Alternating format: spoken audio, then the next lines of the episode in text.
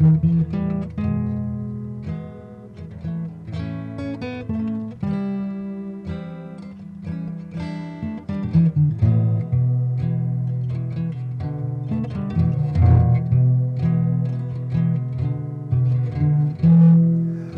بكل مشاهدي ومتابعي القناة.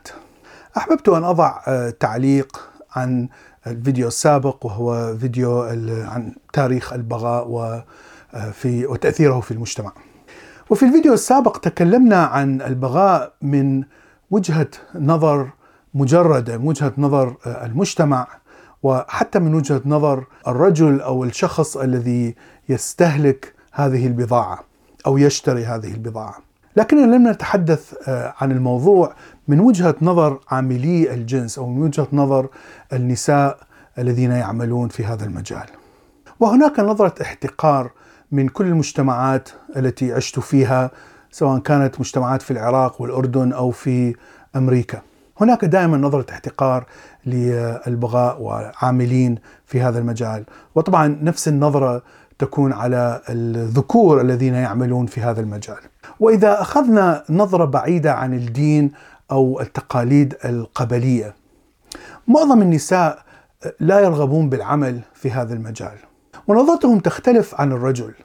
فأغلب الرجال آه، وخاصة في مرحلة الشباب والمنتصف العمر يستطيعون ممارسة الجنس مع شخصيات كثيرة مختلفة من النساء. لأن شخصية الامرأة ليست هي أهم شيء بالنسبة للرجل فهو أهم شيء هو نشر السيد نشر البذور حتى يستطيع أن آه، يجلب أطفال. فهذه هي الغريزة الموجودة عند الرجل. غريزة المرأة تختلف لأنها آه، دائما تفكر بماذا يحدث بعد عملية الجنس لأنه سيكون هناك أطفال أو طفل فهي تفكر في المستقبل وكيف ستحمي هذا الطفل وأين يعني سينشأ هذا الطفل إلى آخره.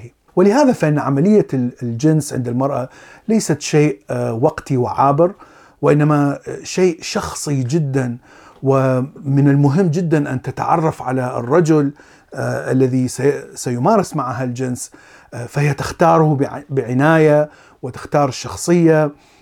إلى آخره لأنها تفكر في ما هي الصفات التي ستورث آه، للطفل.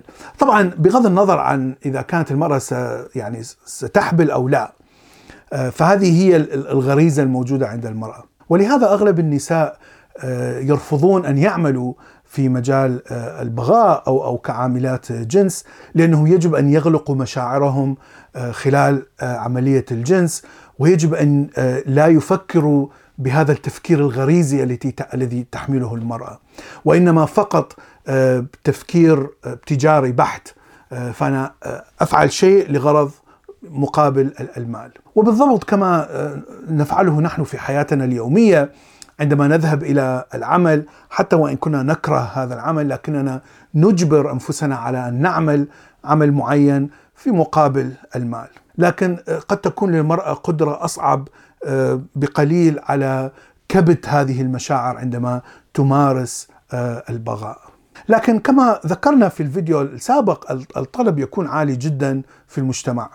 فمن الشيء الطبيعي أن عندما تختار المرأة في آه، العمل في هذا المجال فإنها ممكن أن تكون مجبرة بسبب الحاجة إلى المادة. وهنا آه، نقول أن المشكلة آه، تكون في تربية هذه المرأة ويعني تعليمها وانشائها في عائلة ومجتمع صحي لأنها لا تملك القدرة على العمل أعمال آه، أفضل بكثير تدر عليها مثلا أموال أفضل وتعيش في حالة نفسية أفضل مما أن تضطر أن أن تعمل في البغاء وهي نفسيا لا تتقبل هذا العمل. وقد تكون المشكلة أيضا في المجتمع والفقر الشديد الموجود في مجتمع معين. والنسبة القليلة الموجودة في المجتمع من النساء الذين يستطيعون ممارسة هذا العمل. فهم قد لديهم شهوة كبيرة للجنس. أو قد يكون كبت هذه المشاعر شيء سهل وليس صعب. آه، ودائما التركيز هنا على الهدف المادي الذي يأتي من من هذا العمل.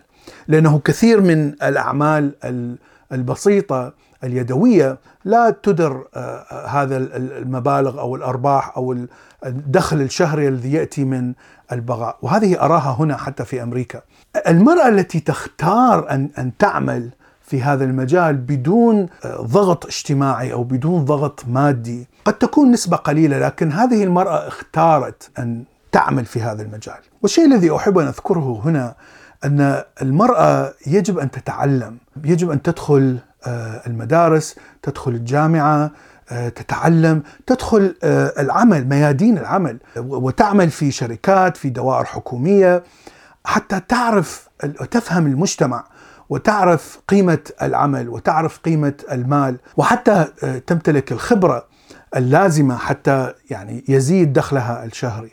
فإذا لم تتعلم المرأة أو نشأت في مجتمع لم يحثها على الدراسة وأخذ الشهادات والدخول إلى العمل فسيكون احتمال أكبر أنها تجبر على العمل في مجال البغاء. وهذه النقطة ليس فقط للمرأة لكن حتى الإنسان بشكل عام يجب أن يتعلم يتسلح بالشهادات وبدخوله إلى أماكن العمل سيكتسب الخبرة. في لحظة معينة من حياته يستطيع أن يختار إذا ما أراد أن يتجه إلى أعمال أخرى. إذا كنت تعمل في مجال معين وأنت تشعر بضغط نفسي كبير لأنك يعني لا تستمتع بهذا العمل فإذا حتى تستطيع أن أن تختار آه، بالدخول إلى عمل آخر طبعا يجب أن يكون لديك آه، شهادة معينة أو خبرة معينة حتى تستطيع أن آه، تختار. فهذا ما أردت أن أقوله اليوم. شكرا لكم وإلى اللقاء في حلقة أخرى.